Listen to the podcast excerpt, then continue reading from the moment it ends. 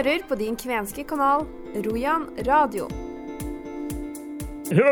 Hei, alle sammen. Vi Ålen Frank Halvorsen. Da sier jeg bare velkommen alle sammen til denne ukas sending. Både kvener og ikke-kvener. Ja, då fick vi lägga händerna på bordet och käppen på händerna. Ja, direkt. Ok, så dere ble trua til å ikke prate meänkieli. Dere ble trua til å prate svenska. Ja. I dag skal dere høre at svenskene i Tornedalen opplevde akkurat det samme som kvenene i Norge opplevde for noen tiår siden. De ble straffa av sine lærere hvis de prata kvensk og ikke svensk. Vi hørte her Aripo Karjalainen og Børje Rautila fra Joksengi fortelle om straffen de fikk. Mer om det seinere. I dag skal vi også høre mer fra den kvenske dagen i Langfjorden, samt at vi skal høre en kvensktalende bonde i Porsanger be folk slutte å rette på dem som vil snakke kvensk, men som ikke gjør det perfekt. Og så skal vi tilbake til Skallelv og lyden av Skallelv, der vi var i forrige uke. Det og mer til i dagens sending. Vi starter i dag i Børselv, der bonde Jon Nikolaisen var til stede da kontroll- og konstitusjonskomiteen fra Stortinget besøkte Kvensk institutt i sommer. Denne saken handler annet om hva som skal være rett og galt når man ønsker å lære seg å snakke det kvenske språket. Jon Nikolaisen er kvensktalende og har klare oppfordringer i så måte. Maureen Bjerkan Olsen møtte Nikolaisen i Børselv. Før så brukte de jo det ble det hemmelige språket, at de bestemor og sånt, de skifta til et annet språk igjen, ikke sant, til samisk f.eks., når vi begynte å lytte for mye. Men det at når man snakker med noen, så plutselig så skal helt til rette på. Særlig når man prater med dem som kan det godt, og så skal de prøve å rette på det. Og da blir man taus isteden. Og like sånn som man forstår mye kvensk, eh, akkurat som jeg også forstår en del samisk. Og i samisk har jeg brukt å si at det snakker bare med gamle folk og unger. For de retter ikke. De retter ikke på det jeg sier. Og når jeg sier at jeg blir retta på andre, så nikker ungene. Og på det her, og gamlingene, de vet det nå. De har levd et langt liv, så de vet det veldig godt. Så det som er viktig hvis du skal fortsatt holde språket i hevd, så er det det å ikke rette hele tida på det man sier feil, på en måte, på kvensk. Ja, og i hvert fall ikke under samtalen, for da bryter du av samtalen i forhold til det. For hvis du skal ha da vekst i språket. Jeg er jo vokst opp på aldershjem i bygda her, og har jo vokst opp med språk, begge, både samisk og kvensk rundt. Og selv i dag så, så bruker jeg da kvenske ord og uttrykk, og av og til litt setninger, til de eldre som, som har mista norsken, for å si det sånn. For det, de er kommet på et stadium hvor det er morsmålet som kommer frem. Og da må man gjøre det. Og det, da holder man litt opp, men straks du kommer ut og skal prate med noen, så blir du retta på. Og da blir det stopp. Så det må alle som kan kvensk veldig godt, slutte med, tenker jeg. Ja, hvis du vil at andre folk skal lære også sånn, så kan man heller hjelpe litt på vei. Akkurat som du snakker med en person som stammer, på en måte. Hvis du er for inngripende i samtalen der, så slutter vedkommende å snakke. Eller stammer enda mer. Derfor skal du bør holde sånn at du får heller la vedkommende som du skal prøve å snakke kvensk, utvikle språket sitt og på sin måte. Men man kan snakke om språk, ikke sant? eller hvis vedkommende spør det, eller jeg spør deg, sa jeg det riktig nå, hvordan skulle jeg ha sagt det? Det blir noe annet. Men når du retter på straks man prøver å åpne kjeften, det er ikke bra. Vi vet jo at det er litt sånn gnisninger mellom forskjellige miljøer og sånt i, i det kvenske, og det er vel kanskje en av de store si, fiendene til det kvenske språket, at vi skal ha fremgang i det kvenske språket, er det at, at vi er såpass uenige mellom forskjellige grupper innenfor det kvenske. Så det vet jeg at de har hatt på samiske områder og diverse sånn, og, og, og det blir ikke bedre for det kvenske for kvenene, vi kvener og sånt, vi er, vi er enda færre. Så det å jobbe heller i samla eh, flokk i stedet for er viktigere? Ja, det er viktig. Og skal vi rekke frem til sånne komiteer som det her, så bør vi være mer samstemt i hva vi, hva vi presenterer, rett og slett. Ellers så blir det jo bare forvirrende for dem som er utafor, å høre på. Hva er det egentlig de vil? Ja, det opplevde jeg også når jeg skulle prøve å forklare og målbære når de skulle prøve å få stabla finansiering av plass på Stortinget i sin tid for eh, Kvensk institutt her i Børselv. Og, og, og, fordi at der var det også mange forskjellige vinkler de hadde fått inn. Så, så, men jeg tror jeg var med og hjalp at vi faktisk fikk såpass mye som vi gjorde den gangen. Under samlinga i Børselv var sentrale personer i Kvensk-finsk riksforbund til stede. Rune Bjerkeli, som er generalsekretær i Riksforbundet, var meget godt fornøyd med det han hørte. Det har vært uh, hyggelig fra vi kom hit. Alltid hyggelig å komme til Børselv. Og uh, stortingsrepresentanter, det er jo vanlige folk. Det er klart at i en sånn setting som det her, så, så kommer man litt mer tettere på folk. Og da kanskje man er i stand til å mer lytte til hverandre. Og jeg tror også det at eh, vi kan komme i vei med, med få tiltak her. fordi at, sånn som jeg sa til eh, stortingsrepresentanter, det at det skal ikke så mye til for å få gjort mye. Altså, Kvensk institutt er jo et eksempel på det. De har jo et budsjett på litt under 80 millioner og får gjort veldig mye med de små midlene. Så liksom det er Myndighetene skal ikke spytte så mye penger inn for at man får eh, gode resultat. Jeg skulle bare si et, en ting om den debatten finsk eller kvensk. Det er egentlig ikke en slags konflikt der. fordi at de som ønsker seg kvensk, de får ta kvensk. De har tilbud om det. Det er like rett i skolen. Nå er det sånn dessverre at eh, man, myndighetene har sunket kravet til at eh, de som har undervisning fra 1. til 6. klassen, ikke trenger fagutdanna lærere. Læreren trenger ikke fagkompetanse i verken kvensk eller finsk for å undervise i kvensk-finsk fra 1. til 6. Så på en måte tilbudet er like dårlig om det er kvensk eller finsk. Men det er altså fritt frem for folk å velge både kvensk eller finsk. Så det er ikke egentlig noe motstridende der. Så det er akkurat sånn som med samisk. Altså Enten tar du samisk, nordsamisk, eller tar du sørsamisk, lulesamisk. Det er ikke noe konflikt. Og Vi har jo også et veldig godt eksempel bare på litt på andre sida av grensen her, i Inari kommune så har du faktisk tre samiske språk. De underviste både inarisamisk, skoltesamisk og nordsamisk. Og der velger de som, eh, som ønsker seg skoltesamisk, de tar skoltesamisk. Og så vice versa på, på enarisamisk og nordsamisk. Så det er ikke noe motstrid. Man får det man vil ha.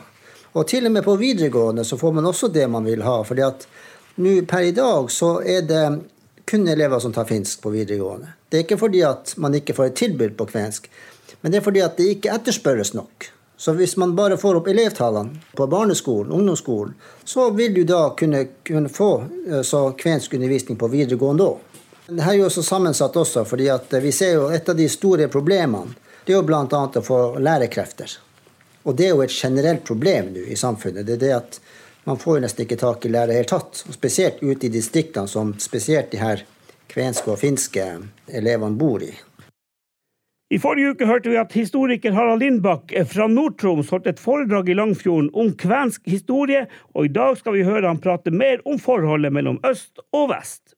Han påpeker at det er litt vanskeligere å søke kirkebøkene etter kvenene i Finnmark. Arne Hauge snakka med han etterpå.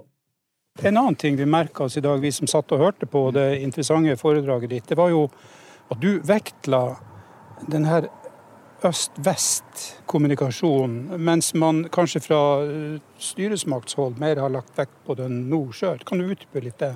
Ja, det er jo helt, altså Norsk, svensk og finsk historie er jo skrevet i et nord-sør-perspektiv. Det vil si at, eh, at den den historien som går øst-vest, er underkommunisert. Og det er jo alvorlig. Og det er jo langt mer alvorlig for vårt område, hvor du kan si at hovedlinja har gått øst-vest i veldig, veldig lange perioder. Det medfører sånn som det vi snakka om f.eks. Eh, om eh, store nordiske krig, så jo det som står i lærebøkene, er jo om en artig kar som het Tordenskjold.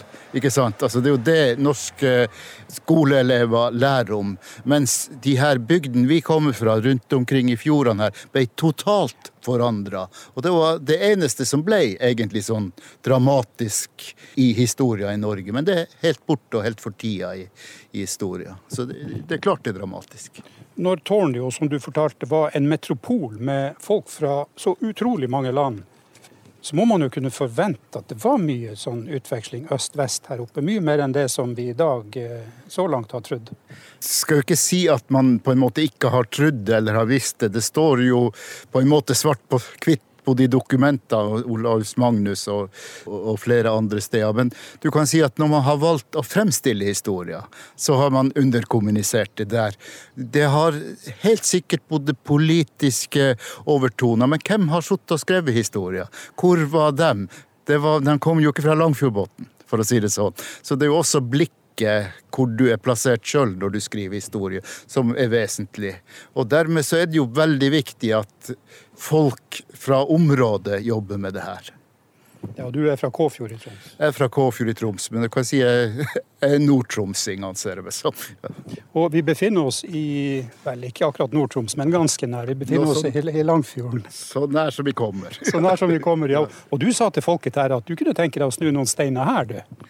Absolutt, for jeg har, jo, jeg har jo begynt å se litt på, altså gått gjennom folketelling, og det jeg ofte går til, som jeg vil anbefale andre som er interessert i historie. altså det Jeg går først til når jeg skal se på en ny plass og lære noe av et foredrag, så går jeg til eh, prestearkivet og begynner der. For presten hadde handa i det aller meste. Og du får ofte en sånn grunnbeskrivelse. Det er klart, Finnmark er på en måte underdokumentert også fra myndighetene sin side på den tida. Det er, gjør jo at det blir ekstra vanskelig å finne frem. For du er avhengig av manntallsliste, du er avhengig av, av oversikter. ikke sant? Og Nord-Troms er litt bedre dekt. I hvert fall som jeg har klart å finne det hittil. Men du har tenkt å jobbe med det kvenske historisk lys eh, framover også i årene som kommer? Du kan jo si det sånn at det, mitt fagfelt som historiker er jo egentlig 1700-tallet, og jeg har forska like mye på samisk historie som på kvensk. Men jeg blir stadig spurt om kvensk historie. Dermed så blir det på en måte å, å, å snakke om det. Og det interesserer meg jo spesielt, selvfølgelig. Men det, jeg mener jo, som jeg også sa, at det er en symbiose, det samiske og det kvenske. og Det har påvirka hverandre så sterkt gjennom hundreårene at du kan ikke på en måte skille det. Det er en historie i lag. Og folk har jo gått frem og tilbake mellom identiteter. Folk har vært drevet med rein og blir ført i som lapp og finn, og så gjort noe annet, blitt ført som kven i, i, i de ulike registrene til myndighetene. Arbeidet med det kvenske går stadig fremover. Da Universitetet i Nord-Norge, Campus Alta, åpna mandag 14. august, kunne vi for første gang høre rektorens hilsning på kvensk. Anledninga er åpning av et nytt studieår. Altaposten sin journalist Anastasia Witte Strifeldt snakka med prorektor Katrine Tveiterå etter hennes kvenske hilsning til studentene ved Campus Alta, en hilsning på kvensk. Jeg sa kjære studenter, hjertelig velkommen til UiT, Norges arktiske universitet. Og Hvordan forhold har eh, universitetet til det kvenske? Det kvenske er jo en veldig viktig del av eh, den regionen som eh, vi har vårt virke i. Så det, den, den, både som i seg sjøl, men også som en del av den flerkulturelle identiteten som vi har her i nord, den har vi lyst til å, å være en pådriver for. Så til å jobbe både med kvensk kultur og språk. Og Har du noe personlig forhold til det kvenske? Eh, egentlig ikke, men jeg blir stadig for, for vite sånne småting som har vært godt skjult i, i, familien, så kanskje det finnes noe mer som kommer fram etter hvert. Nå skal det handle om ekteparet Ragnhild Nilsen og Egil Børge Michaelsen, som skriver bøker i sammen. Hva boka fra Tårnedalen til Havlandet handler om, det er best at ekteparet forteller sjøl, og de gjør det til Maureen Bjerkan Olsen. Historien handler om briter som drar fra Kokkola i 1866 for å få et litt bedre liv. Det er uår og nød i Kokkola der. Og hun reiser til Norge for å få seg jobb i Norge. Hun kommer til Målsnes. Så det, man følger livet hennes. Hvor, hvor, langt ifra, hvor gammel er hun fra du begynner å skrive om henne til Hun er 18 år når hun reiser. Og så bor hun i, på Målsnes i seks år, er det vel. Hun får fem barn der. Men så endres livet hennes veldig dramatisk etter det. Så det blir spennende å følge henne. Ja, det er spennende og det er tragisk. Hun mister sønnen sin, fem, en fem år gammel gutt som drukner i brønn. Og like etterpå så tar mannen hennes tar livet sitt. Så hele grunnlaget hennes faller ut. og akkurat da, eh, mellom de to hendelsene, så nedkommer hun med det minste barnet. Så hun får da eh, eh diagnosen fødselsdepresjon. Og eh, det er jo ting som er vanskelig å behandle, eller var vanskelig å behandle den gang. Ja, litt om den fødselsdepresjonen som hun fikk.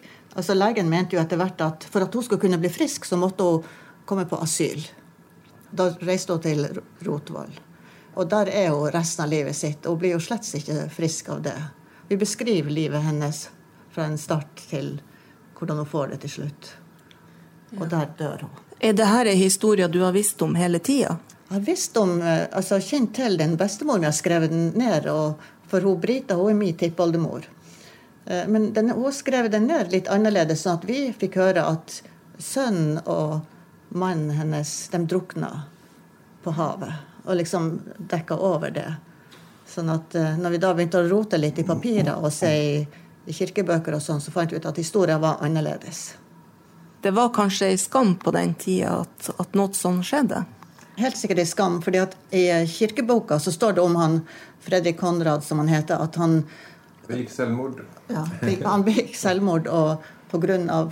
ugudelig liv og næringssorg. Så det er jo dramatisk. Vi har jo også sett uh, skiftesamlinger to år etter han døde, og han var skyldig mye penger. Men det var ikke uvanlig at handelsmenn var. For uh, i, vi har bladd i papirer og sånt uh, i området der, og ikke mindre enn to sånne andre konkurser var det. Så, så de som drev med oppkjøp av fisk og sånt, de måtte satse, og gikk det galt på havet, så gikk det galt med dem også. Så han var handelsmann, rett og slett? Ja. Han står oppført i 1865 som frihandler i sild og tømmer. Det som jeg tenker er litt viktig å påpeke, er at dette er en dokumentarroman. altså Vi viser til riktige altså årstall som er korrekt, og navnene som vi bruker i boka, er personer som eksisterte den gangen denne boka her, så har vi utskrifter fra kirkebøkene, Målselv kirkebok, som viser de forskjellige hendelsene som vi vektlegger her. Jeg tenker på de fire barna, gjenlevende barna hun hadde, som da ble plassert i ulike fosterhjem på Målsnes. Hvordan hun hadde det når hun var på asyl og visste at ungene var bortplassert. Hun hadde jo selvfølgelig ingen mulighet til å ha kontakt med dem, så det er jo litt sånn tragisk å tenke på for hennes del. Jeg har lyst til å si at Hun kommer fra en familie som ikke var ukjent i Norge. Broren hennes han drukna utfor Vadsø to år før hun gikk over. Eh, faren hennes eh, han har vandra imellom. Og eh, i 1875 så finner vi ut at han er faktisk på Målsnes, han også, men da er jo ikke hun Brita der. Da er hun yngste dattera som var født i 1873. Hun, hun er da hos tanta til Brita, og der er, også, der er også faren hennes. Så hvis det er noen andre som lurer på hva som skjedde i familien, så finner de ut at her er det ting som de ikke har visst om tidligere. Så har dere gått opp en liten vei for å finne ut. Ja, jeg vil tro det. det, det, det altså, og Bakgrunnen for at vi fikk det utlevert, det var at Ragnhild var eh, direkte etterkommer. Jeg har jo lyst til å si til leseren at du må ikke lese de to siste linjene, fordi at den sier ganske mye. Så les boka, men ikke de to siste linjene. Før til slutt. Før til slutt. For en uke siden hørte vi at kultur- og likestillingsminister Lubna Jefri hadde mista tre millioner kroner og sikra drifta til Kventeatret i 2023. Styreleder Tommy Berg i teatret er strålende fornøyd med tildelinga. Det er jo utrolig. Vi fikk jo en klekkelig sum fra Kulturdepartementet og kulturministeren, og det er vi jo selvfølgelig fornøyd med. Og det er jo riktignok eh, penger som kommer over spillemidlene, og ikke over statsbudsjettet, sånn som, sånn som eh, Beivars-teatret og Hålogaland-teatret er finansiert. Så jobben med å få en fullfinansiering og en stabil finansiering, eh, den fortsetter fra vårt Eh, vårt, hold. Og det er svært viktig for å kunne opprettholde eh, kunstnerisk aktivitet, eh, og for å kunne ha den forutsigbare finansieringsramma på teatret. Men det er klart at i en startfase som vi er i nå, å få disse pengene, det betyr at vi for 2023 har eh, full finansiering, og vi kan kjøre produksjonene våre 100% Så de her tre millionene hun hadde med av spillemidler, det, det skal brukes nå, skal svis av nå på tyggegummi og sjokolade nå i 2023? Ja, ikke tyggegummi og sjokolade, men det skal svis av på kvensk kunst, kvensk formidling og eh, utrolig bra scenebilder og scenekunst som skal presenteres for eh, et publikum, bredt publikum i hele Nordkalotten og, og, og, Norge. Men det jeg spurte deg om egentlig, det var det at hva med 2024, da? Kan ikke ja. dere overføre noe av de pengene? For, det... for dere brukte de opp tre millioner til, får dere brukt det opp før jul? Ja, ja, selvfølgelig. Det, det koster penger å lage teater. altså det er vi, vi, vi kjører, kjører lavbudsjett i, i, forhold til mange andre teater som vi kanskje vil sammenligne oss med. Sånn at bare en Alta-revy som jeg produserer lokalt hjemme, koster 500 000 å produsere. Og det er en lokal revy. Så da kan dere tenke dere hvor mye det koster å produsere teater som skal turnere rundt i hele Norge, og, og som har, har, turnert rundt i hele Norge. Sånn at Det er derfor viktigheten av å bli fullfinansiert og, og ha en stabil finansiering via statssystemet, sånn som andre teatre har, som vi liker å sammenligne oss med. Han er fra Øst-Finnmark og har skrevet manuset til tegneserien Nils og Magga, som også er utgitt på kvensk. Det hørte vi i en av våre sendinger tidligere i år, men Terje T. Vollmann jobber også innenfor samisk kunst og kultur. Som jeg nevnte tidligere, så har jeg jo gjort teaterforestilling av Nils og Magga. Men så har jeg også fått til et samarbeid med Nationaltheatret eh, Beivers, eh, samiske Nationaltheatret, og Dramatikkens hus. For de hadde en utlysning i fjor sommer der de så etter eh, det de kalte for nye samiske stemmer, og de ønska samisk samtidsdramatikk. Og da tenkte jeg at det her må jo være midt i blinken for meg, så da skrev jeg et manus. Vi var fire stykk som ble plukka ut for å, for å, jobbe med Beivars og for å jobbe med Dramatikkens hus, for å, rett og slett for å, for å lære å bli dramatikere. Så akkurat nå så er jeg i en, et slags skrivekurs, eller en skriveprosess, der jeg jobber i lag med dem. og Jeg var nettopp på samling i Kautokeino, der vi hadde samling nummer to, der vi jobba med skuespillere og dramaturger og regissører. Ja, rett og slett for å, for å skrive en ny, nyskreven samisk eh, samtidsdramatikk. Hvordan er det? Det er jo utrolig artig. fordi at uh, Nå har jeg jo laget tegneserie, og det, det å liksom å skrive et manus og så be folk å tegne det jeg har skrevet, det kan jeg bli vant til. Men det å å diktere hva folk skal si, det er kjemperart.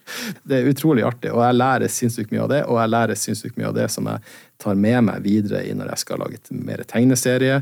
Så det er rett og slett bare en, en takknemlig situasjon å være i, å få lov til å jobbe med så mye flinke folk. Og ikke minst å jobbe med det samiske og se hvordan det på en måte korresponderer. Jeg er jo veldig opptatt av det her med Nordkalotten og det trestammers mm. møte, så det er men å ha en fot i hver leir er vel kanskje ikke så dumt heller, i, i og med at man eh, skal leve av kunst og kultur? Da. Nei, det er ikke så dumt heller, men, jeg, men, det er jo også bare den historien jeg har. Jeg kan ikke gjøre så mye med det. Det, det var bare sånn det ble. Du har en fin hverdag. Du får jobbe med de her tingene du liker absolutt aller best. Ja, det stemmer det. Det går ikke an å ha det mye bedre enn det. Nei, jeg tror ikke det. Jeg tror ikke det. Og nå som jeg i tillegg får lov til å reise så mye opp til Finnmark, så, så, så har jeg det som plommen i egget. Opp til Finnmark. Du, bor ikke du i Finnmark? Jeg bor jo ikke i Finnmark, jeg bor i Oslo, vet du. Nå skal vi tilbake til Skallelv og festivalen Lyden av Skallelv, som ble arrangert for et par uker siden. Vi skal først møte Helga Wara, som styrte showet. Vi har veveverksted i fullstendig kaos og glede. Så her har det vært åpent hus, og de som vil komme inn og holde på med håndverk, eller prate med om håndverk, eller bare kose seg med andre nerder, de har kommet. I typisk finnmarkstradisjon. Det har vært fantastisk. Det har vært så masse folk. Og så står jeg her og så ser jeg på litt forskjellige klær som du har sydd. Kan du fortelle litt om dem? Den drakten som vi ser her, det er jo et forsøk på å lage moderne klær med utgangspunkt i kvensk folkedrakt og den draktsjikten som personene som eh, bosatte seg i Roja, hadde med seg. Så det her er ikke klær til 17. mai, men det her er pene klær til moderne bruk. Er det her noe som eh, folk kan få tak i, eller er det bare en kolleksjon som du har lagd til deg sjøl? Det er akkurat den jakka som er her, den er jo til salgs. Det var, en, det var, en, liten prøve jeg lagde bare for å teste snittet. Jeg har jo ingen formell kompetanse på søm, så sømmene er skeive. Men jeg lager nå ting. Og så blir det klær. Det ser nå veldig pent ut, syns, nå jeg, da. Det blir jo klær. Og man ser ikke ut som en marsboer når man har dem på. Man ser kanskje litt ut som en kven, men det er noe å foretrekke for, for å være marsboer. Er man kven, så ser man ut som en kven uansett hva man har på seg. Men de knappene som er på denne jakken her, hva har du laga dem av? De har jeg kjøpt på Kramstua, det er reinhornsknapper. Jakka i seg sjøl er lagd av en kupærvevd ull, og så er den dekorert med grindvevde bånd med finsk mønster som er plantefarga. Og det du ser, er at Jeg tar den bare av, så kan vi kikke litt mer inngående på snittet. Den er på ei mannekengdukke, jeg bare understreker det. Ja. Det du ser, er at bak på den så har den denne type samme legg som man ser på finske folkedrakter, og også på kvendrakten. Og den er fora med silketaft, som også ligger inni leggene. Også på skulderstykket så er det sydd inn en kvenrose på et, ull, et ullbærestykke. Så det er en fora jakke med drakttrekk fra gammel folkedraktstradisjon, men lagd for moderne bruk. Snittet på jakka som vi ser her, det er lagd med utgangspunkt i eksisterende eh, bevart folkedragsmateriale eller avbildninger av tilsvarende folkedragsmateriale i de områdene kvenene var bosatt i før de kom til Roya, og også med utgangspunkt i fotografier av personer i Roya på 1800-tallet og begynnelsen av 1900-tallet. Og den jakka her er en første tolkning og jeg ønsker å gå videre med det. Så det er en inspirasjonskilde til Det er en moderne drakt tolka med utgangspunkt i historiske kvenske klær. Det vil alltid være sånn at klær skal tjene mennesker, mennesker skal ikke tjene klær. Vi tar selvfølgelig med at det dukes for kurs i grindvev i regi Vara, både i Kvænangen på Gamle Kjækan skole 2.9. og i Børselv på Kvensk institutt den 17. september. Men vi skal nå videre i opplegget med grindveving. Muren Bjerkan Olsen møtte søstrene Katrine og Johanne Råde, som kasta seg rundt da det ble veving på loftet i huset til Åshild Huru, som er mor til de her to søstrene. Ja, nå sitter vi på loftstua til noen her, og det er trivelig kaos, vil jeg si. Hva du heter for noe, du, og hva du uh, holder på med? Jeg heter Katrine Råde, og jeg holder på å sitte her og vever nå på en sånn grindvev. Om jeg skal lage et slags belte. Men dette er første gang, så jeg vet ikke helt åssen det blir, men uh, veldig gøy. Er du kven? Ja, halvt. Mamma er jo kvensk og er fra bygda her, og jeg uh, Men jeg bor i Bærum. Men uh, halvt kven, halvt Bærum, kan du si. Det er en god miks. Det er en veldig bra miks. En artig miks. Men jeg kan jo ikke kvensk og sånn. Dessverre. Det har vi jo aldri lært. Kunne du tenkt deg, hvis du hadde fått valgt når du var liten, å lære deg kvensk? Jeg tror ikke jeg var så opptatt av det da, men jeg skulle jo ønske nå at jeg hadde lært meg det. Det hadde vært kjempefint å kunne. Det er ikke usannsynlig at jeg kunne godt tenke meg å ta og lære noen ord. Kanskje gå på et lite kurs.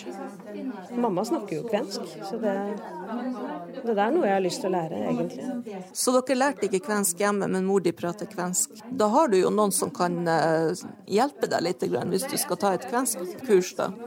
Absolutt, det har jeg. Så, mamma kan det jo og snakker det jo, så, så, hun kan det jo. Vi har jo lært noen sånne små ord og noen regler og litt sånn når vi var små, men det var ikke noe mer enn det.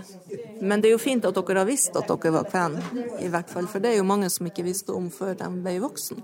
Ja, jeg tenker at mange andre har sikkert eh, hatt det litt annerledes med akkurat det, men vi har jo snakka om det egentlig i alle år, men kanskje ekstra mye i en senere tid. Det er ikke så mye når vi var barn og unge, egentlig. Jeg er glad for det. Veldig glad for det. Nå prater jeg akkurat med søstera di, og er du storesøster eller lillesøster? Storesøster. Og du har satt opp veven her? Ja, jeg satte satt opp mamma sin gamle vev, som hun har vevd matter på da hun var yngre og ikke har brukt på noen år. Og nå har jeg satt den opp igjen og bytta fra sånn hester- og trinser-oppsett til kontramarsj, som det heter, som gjør at du kan veve litt um, andre mønster. Er det mye arbeid med det? Ja, det, det er mye arbeid å sette opp en vev. Det er det. Og så er jo vevinga selve kosen. Har du vevd i mange år? To og et halvt år. Så du lærte ikke det hjemmefra? Nei, da vevde vi litt for gøy, men vi lærte det ikke. Så jeg har gått på kurs i koronatida, som mange andre gjorde. Jeg begynte å heive seg rundt med gamle teknikker og sånn. Så, ja. Men du har visst du også hele tida at dere var kvener? På morssida? Ja, vi har visst det lenge. Bestemor og bestefar. Og når de levde, så snakka jo også mamma og hennes søsken kvensk hjemme. Så vi har lyden litt i hodet og kunne enkle ting, men ikke mye. Vi har ikke lært språket sjøl. Er det noe du kunne ha tenkt deg til å ha lært nå når du ser tilbake på det i ettertid? Ja, det er klart det hadde vært kjempefint å ha et språk til. Så, så ble det som det ble, og så får man gjøre så godt man kan nå. Og prøve kan jo melde seg opp i kvensk årsstudium på universitetet eller lignende ting. Er det noe du kunne tenkt deg etter hvert, eller? Ja da, jeg har meldt meg opp nå, men jeg vet ikke om jeg har tid. Men jeg har i hvert fall meldt meg opp, og det var rekordsøkning på universitetet, så jeg, på det studiet i år. Så det er artig. Men eh, at interessen er vekka til livet igjen, hva du tenker kan være en av grunnene til det? Nei, det er jo masse altså Både Sannhets- og forsoningskommisjonens rapport og alt det som har skjedd. Det er mer liv rundt det. Så jeg tror det kan bli bra. Jeg tenker Det blir spennende å se hva som kommer ut av rapporten etter hvert. Den skal jo behandles av Stortinget. Så. Men det at folk eh, får øynene opp for kven, det samiske, norsk-finsk, skogfinner, alt det. Syns du det var på tide? Ja, ja da, det syns jeg. Ledende spørsmål. Ja. Nå skal jeg fortsette fortellinga fra sommerferien min i 2023. Inngangen var at hva gjør man når man en varm sommerdag kjeder seg på en lang kjøretur i de dype finske og svenske skogene? Jo, jeg kan like godt lage kvensk radio på vei fra Alta til Kalix, tenkte i alle fall jeg. I forrige uke fikk dere en smakebit på min såkalte slektsforskning i Nord-Sverige, som mer og mer greide seg over på den svenske måten å snakke kvensk på, nemlig miengeli. På min søken etter min egen familie ble det mange samtaler med andre svensker som bor i Tornedalen, der jeg egentlig stammer fra. Jeg havna straks på butikken i Joksengi, der alle som bor i bygda, prater miengeli. Butikksjef Anna Joki hørte vi i en tidligere episode prate mye engele, mens vi i forrige uke hadde en sak som viste at ikke alle som kan språket, vil prate det. Men jaggu kan de prate, de to kundene som satt og drakk kaffe ved inngangen til butikken, og jeg traff nemlig Aripo Karjalainen og Børje Rautila. Dere prater mye engele. Er det finsk eller mye miengeli? Men hvorfor er det blitt sånn at folk her i eh, denne staden her dere prater eh, megelig dere imellom? På butikken? Ja, finska sida gjør man også. Men er det, er det finsk dere prater, eller er det miengeli? Ja. Det här är meänkieli. Hva er forskjellen på miengeli og finsk? Altså, det er jo meänkieli. Det er eh, riksfinska på den, altså, men her på älven niin, då pratar vi meänkieli. Alltså den riktiga finskan, jag också har vissa ord och förstår vad de menar. Vet du. Utan, men det är gränsen, jag har varit handlare vet du, här i hela mitt liv. Vet du, och mycket med finnar att göra. Orden betyder på meänkieli delvis eh, från finska. På vissa meänkieli det är inte samma språk på som finsk, riksfinska. Men meänkieli man kan säga ett ord på som jag har glömt eh, 58 år sedan. Biljat. Det betyder på eh, finsk, alltså tornedalsfinska. Och det betyder svenska kedjor. Sådana namn sen är inte på finska sidan. Men er det vanskelig å, å, når du prater meänkieli med han, og så er det, kommer det en fra Finland? Forstår dere? Jag förstår, men han förstår. Du forstår inte finska? Inte på riksfinska. Ikke riksfinska? Inte riktigt finska. men klarar, man klarar Ja, sig. ja. Men inte, inte sådär när det är riktiga finskan.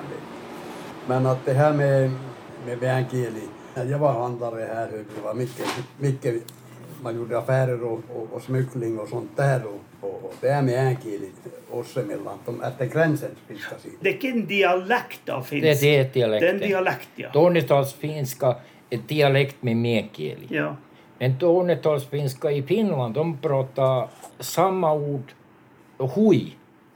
Se käytätte sitä hui-sanaa täällä, mutta niin käyttää suomen puolella. Joo, no se on är nog niin kuin, eh, Det är ett ord som eh, man tycker inte om. Ja, någon Okay, okej, då, okej. då säger man hui. Hui. hui. Och det är om man svär satana. Då, då svär de finska. Men eh, når dere prater sånn som det her, her miengeli, er det samme som vi kaller for kvensk i Alta i Norge? Ja. Akkurat samme? Ja, det? samespråket. Samme språket? Ja, men man kan finska också, men man kan vissa även gamla samiska. Jag var i Alfta i februari i år och det var mycket snö och mycket ren. Jag har haft att göra med renskötelse. Men min släkt kommer från Norge. Okej, var?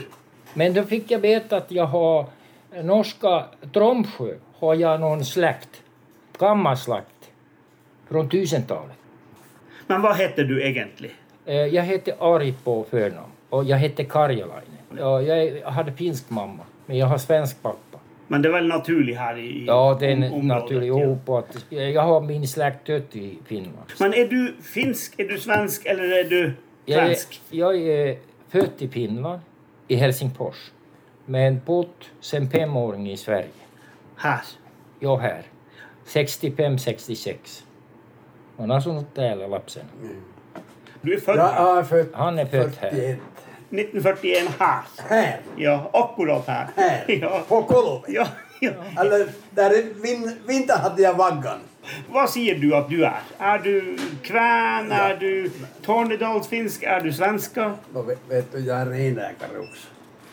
Er du reineier? Ja, han er halvt en samisk også. Du er samisk lite samisk slekt òg. Men hva er det? Med, med Langdal som det her med eh, så är eh, den her Rautilas, de kommer egentlig fra Ryssland. Affären heter Rautila. Du er medeier her? Ja.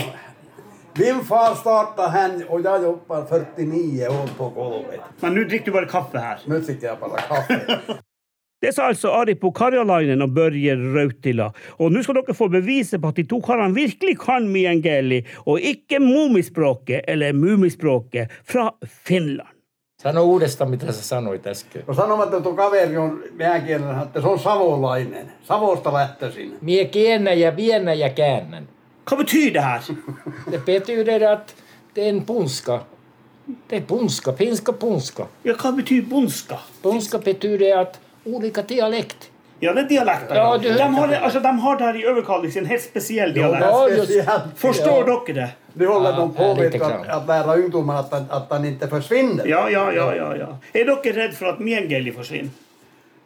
Joo, joo, mutta että en mä meidän ikäiset, niin mä olemme niin tässä rajalla näin, että se, meillä pysyy tämä meidän kieli meillä. Men Mutta nämä ennen, en, hyvä te det förut att när man gick i skola vet du, då fick man inte prata fin- meidän kieli. Nej. Utan, Inte finska heller. Nei. Jag inte fick på inte. rast heller. Men, men var, det, var det sånn at dere fikk straff? Lærerne på skolen Ja, ble ja, ja, Ja, då fick vi lägga händerna på bordet och käppen på händerna. Ja, direkt. Ok, så dere ble trua til å ikke prate Miengeli, dere ble trua til å prate svenska. Ja. Att det är meningen det är att, att eh, du, du måste lära alltså våran egen svenska. Niin alltså. Ja, rikssvenska. Rikssvenska. Ja, inte mummispråket. Nej. Var det mummispråk? Ja, det är Finland. Ja. Och ja, mummi fra Finland. Ja, jag träffade konungen Karl Gustav i Helsingfors 1997. Och jag gick eh, två tiden natten till köpa kaffe och dricka eh, en restaurang. Och då ska jag betala kaffe. Då viser servitøren servitören att det är redan betalt och viser han handen. Måste be. Då satt i kungen en, en bit ifrån mig. Han hade betalat min kaffe. Och sen fick jag gå tillsammans med han på bordet och han sa mig att du inte från, du, du pratar inte mumispråk, du kommer från Sverige. Och då fick jag, han ville høre höra vart jag bor i Sverige. Jag bodde i Umeå då. Jag hade boende i Helsingfors. Den hette Lajasal. Jag hyrde sex månader en, en lägenhet Så att, men det där värsta var det här säkerhetspolisen. Han försökte köra ut mig.